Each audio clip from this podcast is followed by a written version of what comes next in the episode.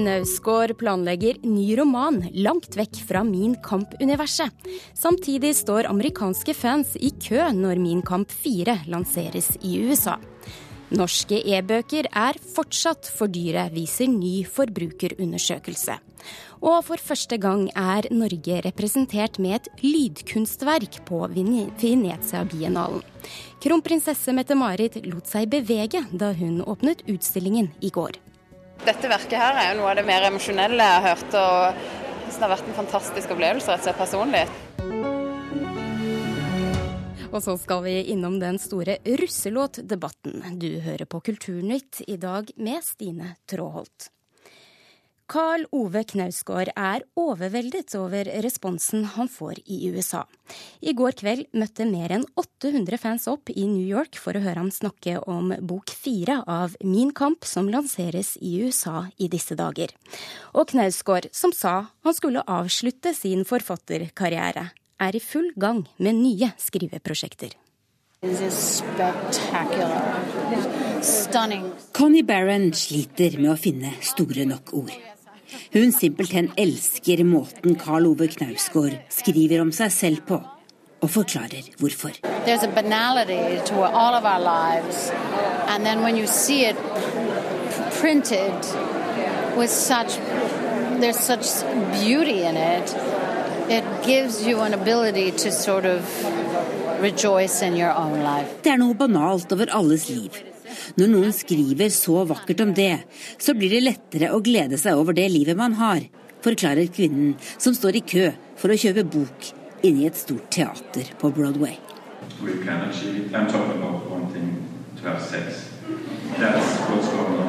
Fra scenen snakket forfatteren om bok fire, som kommer ut her i USA i disse dager og handler om tenårene hans. Karl Ove Knausgård er i strålende humør når jeg møter ham i New York litt før arrangementet.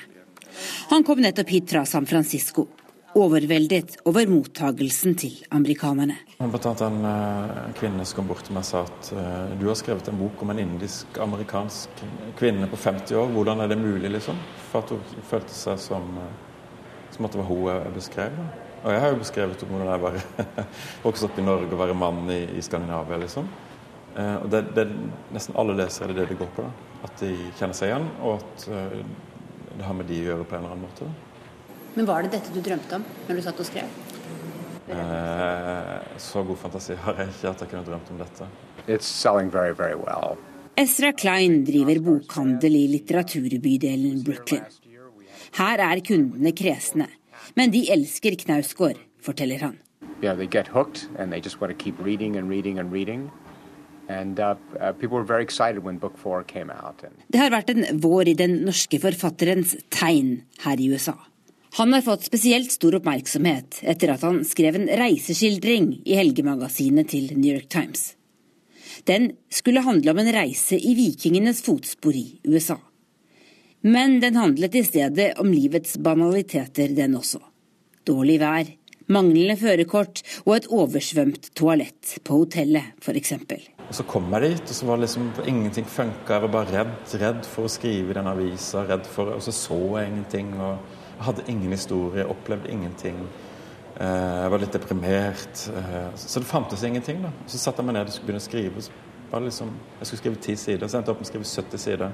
De neste dagene skal forfatteren ha flere arrangementer her i New York. Etterpå skal han hjem, bl.a. for å skrive. Da bind seks av Min kamp var ferdig, sa han at han ville legge forfatterskapet på hylla. Men Karl Ove Knausgård har ombestemt seg. Jeg har jo aldri skrevet så mye som jeg har gjort etter at jeg slutta som forfatter. Så det, men, nei, men, det som har hendt er at jeg, jeg, har skrevet masse artikler, masse essays, masse en fotballbok, masse greier, liksom. Eh, som egentlig er akkurat samme stil som Min kapp. da. Kunne egentlig ha samla de og så, så lagd det som bind sju. Så det vil jeg vekk fra. da. Jeg vil, vekk, jeg vil ikke, jeg orker ikke mer den type skriving og den type tenkning. Så jeg, jeg, må prøve å gjøre noe helt annet og komme et helt annet sted. da. Og så kommer jeg sikkert til å skrive roman etter hvert. Ja, Det sa Karl Ove Knausgård til Tove Bjørgaas. Vi skal eh, over til kulturnyheter fra dagens aviser. Både Dagbladet og Aftenposten skriver at Arbeiderpartiet vil se på muligheten for å skattelegge globale medieaktører som Netflix, Facebook og Google. Forslaget er et av i alt 22 som eh, til ny mediepolitikk som partiet presenterer under nordiske mediedager denne uka. Høyres kulturminister Toril Vidvei kritiserer Arbeiderpartiet for å forme mediepolitikken først nå, når partiet er ute av regjering. Norsk litteratur må få hovedrollen på verdens største bokmesse. Det mener en samlet norsk bokbransje, som ber regjeringen betale 35 av de 55 millionene som skal til for å gjøre Norge til hovedutstiller på bokmessa i Frankfurt i 2019. Det skriver Aftenposten. Bokmessa samler 7000 forleggere fra hele verden hvert år, og hovedutstilleren får oppmerksomhet gjennom en stor paviljong og kulturelle arrangementer i hele Frankfurt.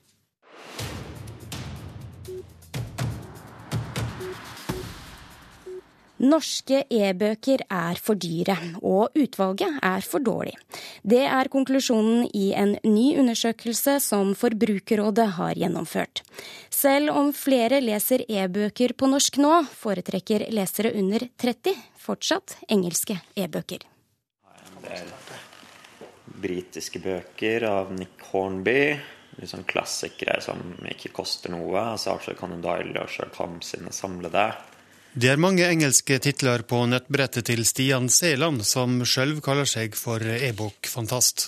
Og Det jeg syns er tiltalende med e-bøker, er når det, når det, synkroniserer. At jeg kan lese det på nettbrettet når jeg ligger hjemme i sofaen, men også lese det på mobilen når jeg står på bussen og har tre-fire ledige minutter. Pris er viktig når han skal kjøpe e-bøker. Det har jo absolutt noe å si. Eh, der ser man at der har jo man kanskje i Norge en, en vei å gå, i form av at det er relativt dyrt med e-bøker. Eh, sammenligna med en del man kan få på Amazon. Og Mange norske forbrukere mener norske e-bøker er for dyre. Det kommer fram i en rapport som Forbrukerrådet har laga. Der svarer hver fjerde leser at de mener prisen er for høy. Og det er et problem, ser fagdirektør Finn Myrstad i Forbrukerrådet. Spesielt unge syns at prisen på e-bøker er for høy. Og det syns vi er synd, fordi eh, da leser unge heller engelske bøker framfor å lese norske bøker. Og det er et eh, litteraturpolitisk og kulturpolitisk politisk mål at folk skal lese mest mulig norsk.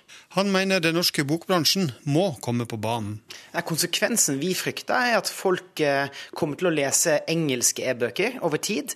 Eh, fordi de er billigere og brukervennligheten ofte bedre. Og da vil folk slutte å lese norske bøker over tid. og Spesielt når det er et internasjonalt marked vi opererer i, også på e-bøker. Men direktør i Forleggerforeninga, Kristen Einarsson, er ikke uroa. Han mener rapporten fra Forbrukerrådet viser at bokbransjen er på rett vei. Hvis man ser eh, på eh, de tallene de har fanget opp i år, og sammenligner det med situasjonen for to år siden, så, så er det en klar bedre oppfatning ut i markedet enn det det, det var tidligere. Det som, eh, altså Egentlig, så, sånn som eh, kundene jo sier dette, så, så er det nå et marked som er velfungerende for dem som ønsker å lese digitalt. Men skal den norske markedet vokse videre, må e-bøker sidestilles med momsfrie papirbøker, sier Einarsson. Det viktigste som kan skje for å få ytterligere vekst i markedet, det er jo at uh, beskjeden som nå kom om at uh, vil innføre null moms på digitale medier videreføres og, og, og også skjer for e-bøkene. For da får vi en prisreduksjon på 25% og det vil helt sikkert hjelpe markedet ytterligere. Men det skjer neppe med det første. Statssekretær Jørgen Nesje i Finansdepartementet skriver i en e-post til NRK at merverdiavgiftsregelverket vurderes løpende. Det foreligger ingen planer om å innføre lavere satser på andre elektroniske tjenester enn nyhets- og aktualitetsmedier. I den andre appen her så har jeg Hva er retorikk av Jens E. Kjeldsen. Det er jo pensum. Mm. Har Elin Ørjasæter 'Er du en god sjef'? Eh, men jeg har ikke så mange norske bøker eh, ennå.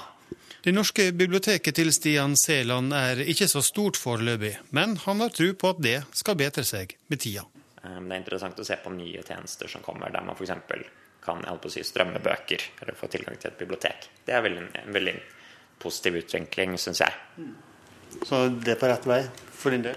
Ja, jeg syns det, det, er lovende, i alle fall med det norske e-bokmarkedet. Reporter i denne saken var Espen Alnes. Du hører på Kulturnytt, og klokken er snart kvart over åtte. Og dette er nyhetsoverskriftene denne morgenen. Det kunne vært færre fattigere barn i Norge dersom barnetrygden hadde holdt tritt med lønnsveksten. Det mener FNs barnefond, UNICEF. Antibiotikabruk og kronisk sykdom henger sammen, tror forskere.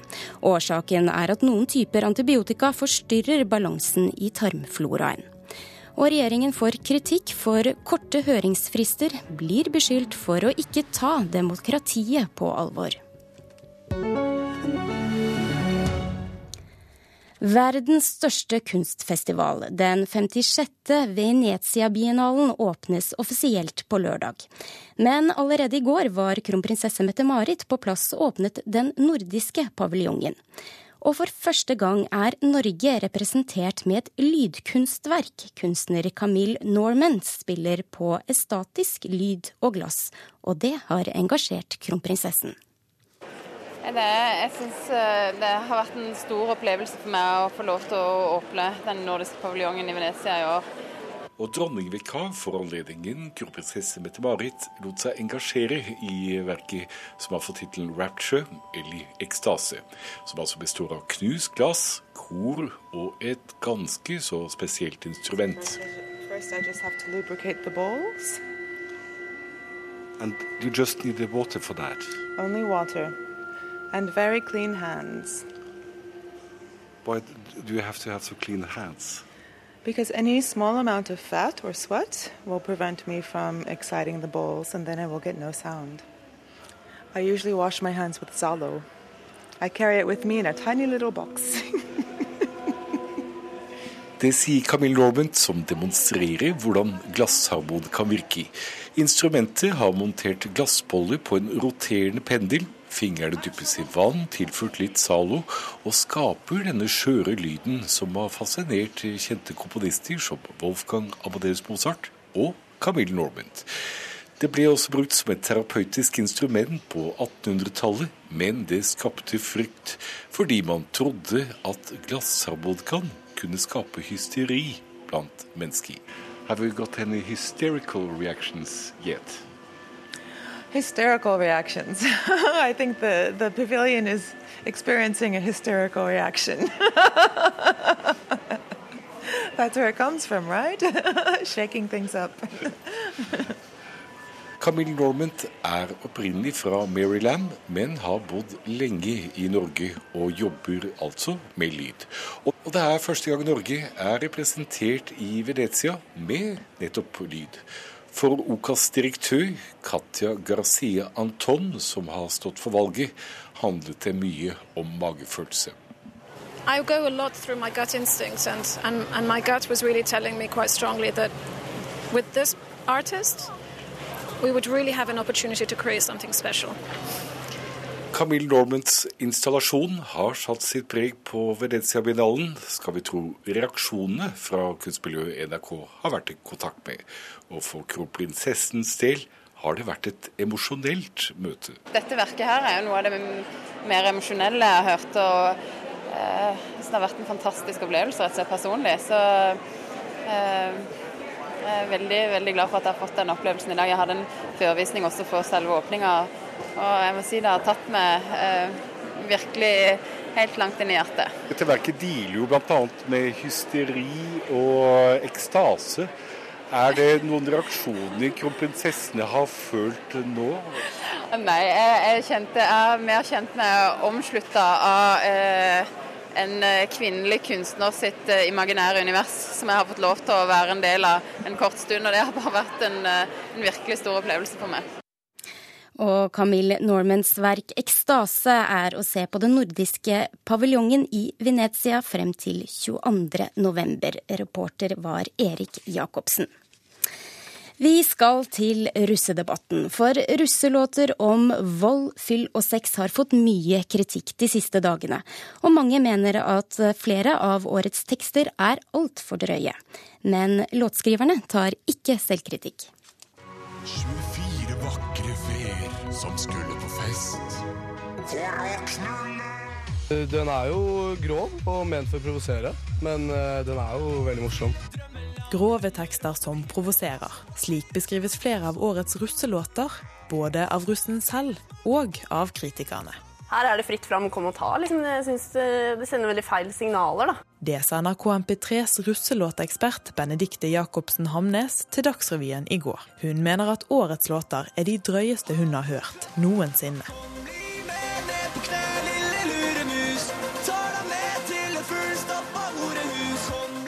Flere av låtene som har fått kritikk, er skrevet av artisten Tix, som ikke tar selvkritikk på låtene han har laget. Altså, jeg tror alle som er russ i år, klarer å forstå at tekstene er eh, ment som et humoristisk innslag og er bare tull. Og i tillegg så sier det seg selv når, eh, altså når all russen synger med på det her, så er det liksom Da tyder jo det på at det er jo greit blant russen.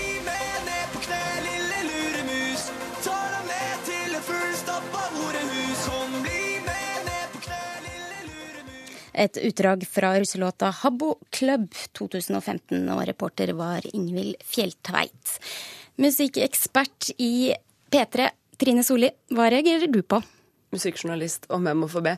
Eh, Jeg reagerer mest på måten kvinner fremstilles i disse låtene, som jeg syns er direkte ufint og ikke i tråd med sånn som jeg ønsker at kvinner skal fremstilles. Jeg syns eh, eh, dette skjer på mannens premisser, og det forteller historier om kvinner som eh, underkaster seg mannen og er sexobjekter og horer som man kan eh, skjenke med alkohol for å få ligge med de etterpå.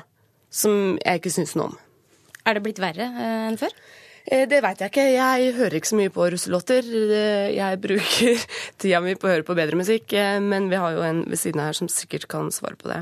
Ja, Aksel Hassel, du er vokalist, musikkprodusent og har artistnavnet Benjamin Beats. Og du har vært vokalist på 30, nærmere 30 russelåter. Mm. Du er egentlig ganske lei av all denne kritikken mot russen, du. Ja, jeg, jeg syns den blir eh, kanskje Ja, den er litt ufortjent, da. Eh, det er jo veldig fort gjort å liksom svartmale hele russen og hele russetida. Og dra alle under én kam der. Det er jo, det er jo dratt ut eh, tre, kanskje to låter nå av flere hundre låter, ikke sant, bare i år.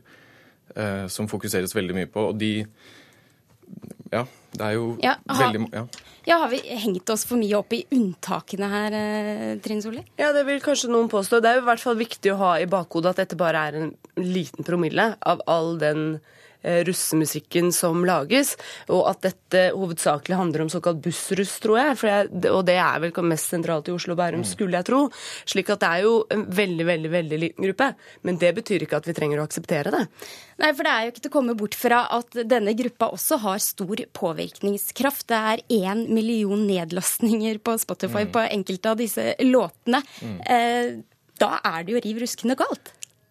Vel, altså, disse, disse låtene er jo eh, Det vi glemmer i hele debatten, er liksom hvor fine melodisk og produksjonsmessig de er. Altså den, eh, Det går ikke an å si, fordi hvordan folk opplever kvaliteten. Eller altså, hva som er fint, Ja. hva er det? Det, altså, det spiller ingen rolle. Det er ikke noe argument. Nei vel, men eh, altså, da glemmer vi i hvert fall at russen er jo fortsatt oppegående unge mennesker med eh, moral og etikk, og de skjønner jo at dette er ikke ment som noen guidelines til hvordan man oppfører seg i russetida eller resten av livet.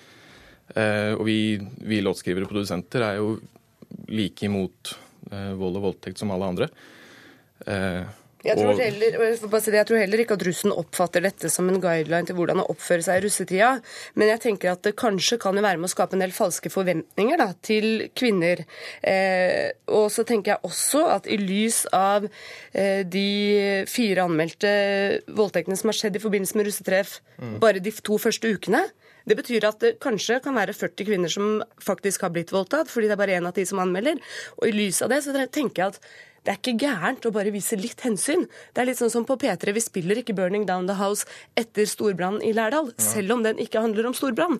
Så jeg tenker sånn, man kan jo Det er lov å liksom vise litt eh, Altså ta litt hensyn, da. Ja, igjen så er det jo Det er jo, eh, det er jo helt eh, forferdelig med, med voldtekt og sånn. Disse låtene her er jo laget lenge før det skjedde. Dette er jo, Russen er jo med på å skrive teksten selv. ikke sant? Dette er jo et kundeforhold mellom artist og, og buss. Og da kommer de med Eh, om ikke de er med å skrive selve teksten, så kommer de, godkjenner de den i hvert fall.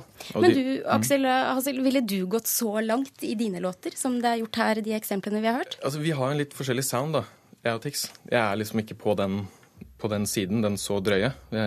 Klubb Norwegian lager liksom mer eh, sommerlåter og, og til strand og grilling. Eh, så det blir, man kan liksom ikke sammenligne de to, de to tinga, da. Men, det, men du har jo også produsert masse russelåter bare allerede i år, ikke sant? Ja. Og det er jo fint å høre. At folk, Det er jo masse russ der ute som også vil ha eh, eh, formelbasert Mm. musikk uten disse utrolig dårlige tekstene. Mm. Men Trine Solli, altså, det fins jo mange rapptekster på engelsk som flommer over av fuck og bitches. Blir dette bare mye verre fordi det er på norsk? Eh, eh, kanskje vil noen oppleve det verre fordi det er på norsk. Jeg tror det er lettere for folk å få med seg teksten når det er på norsk. Det blir mye tydeligere.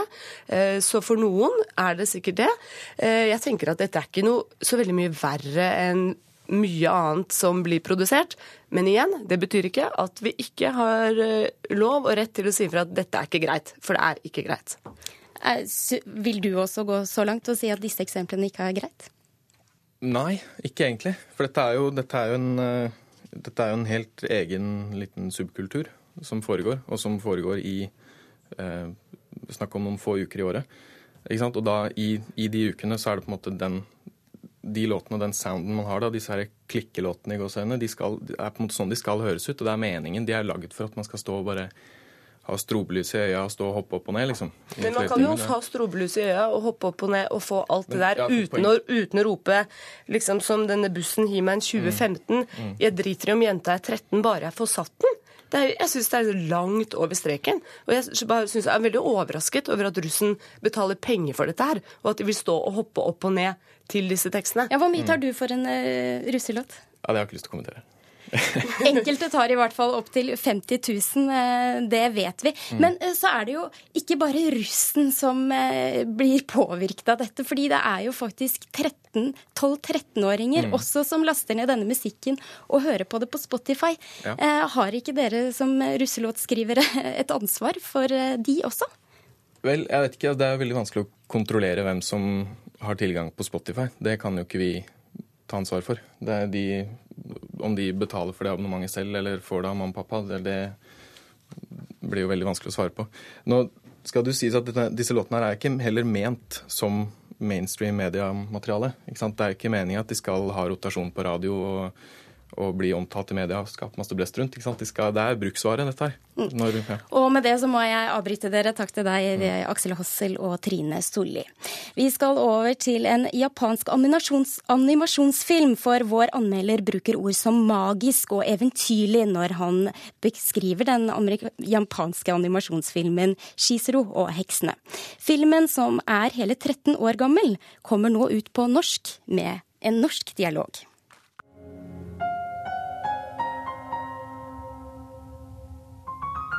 Shihiro og heksene er en av de vakreste, mest eventyrlige og spennende animasjonsfilmene som er skapt etter årtusenskiftet. Filmen er en japansk skatt. Med norsk dialog er den litt vår også. ja? Du har en merkelig lukt i dag. Jo da, det lukter menneske av deg. Å, syns du det? Uten tvil. Dialogen er filmen verdig. Den er en av de mest spillende, medlevende og harmoniske dubbingene som er gjort på norsk. Det er 29 norske skuespillere med. Lars Dahl Dolva har styrt den kreative prosessen og instruksjonen av skuespillerne. Jeg kan ikke huske at en importert film er blitt tilført norske stemmer 12-13 år etter første kinovisning. Gjensynet bekrefter at det var gode grunner til å gjøre det slik, og til å gjøre det så skikkelig. Den er på jakt etter deg. Vi må vekk herfra. Fort! Beina mine! Jeg klarer ikke å reise meg opp! Slapp av. Bare pust dypt inn. Filmen er naturligvis skapt med moderne teknikker, men med håndtegning i bunnen for alle figurene, og med foto som utgangspunkt for mange detaljer i bakgrunnene. Håndverket og åndsverket er synlig og følbart. Chihiro og heksene er en film som vi tar inn med alle sanser. Chihiro er hovedpersonen. Hun er datteren som sitter i baksetet i farens bil og er engstelig fordi far kjører lenger og lenger inn på den smale og humpete veien, selv om de skjønner at de har kjørt feil.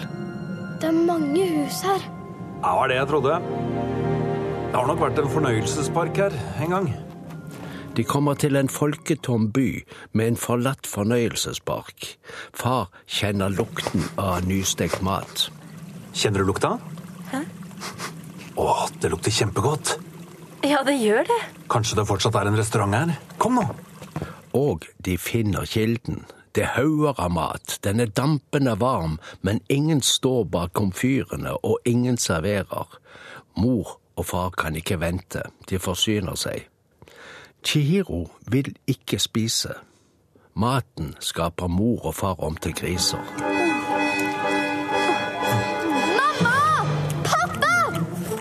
Der begynner magien. Den fortsetter med nytt innhold og nye nyanser de neste to timene. Fantasien er både frodig og klok. Mye refererer til det som er alvorlig i samfunnet, og mye refererer det som er godt for oss.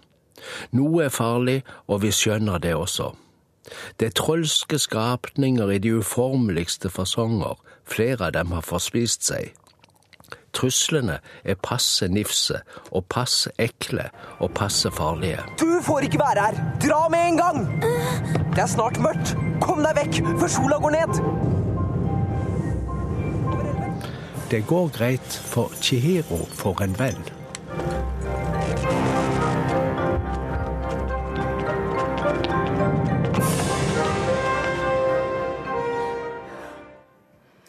Anmelder her var Einar Gullvåg Staalesen. Ansvarlig var Andrea Kvamme Hagen, og det tekniske ansvaret for denne sendingen hadde Marianne Myrhold. Jeg heter Stine Traalt. Hør flere podkaster på nrk.no podkast.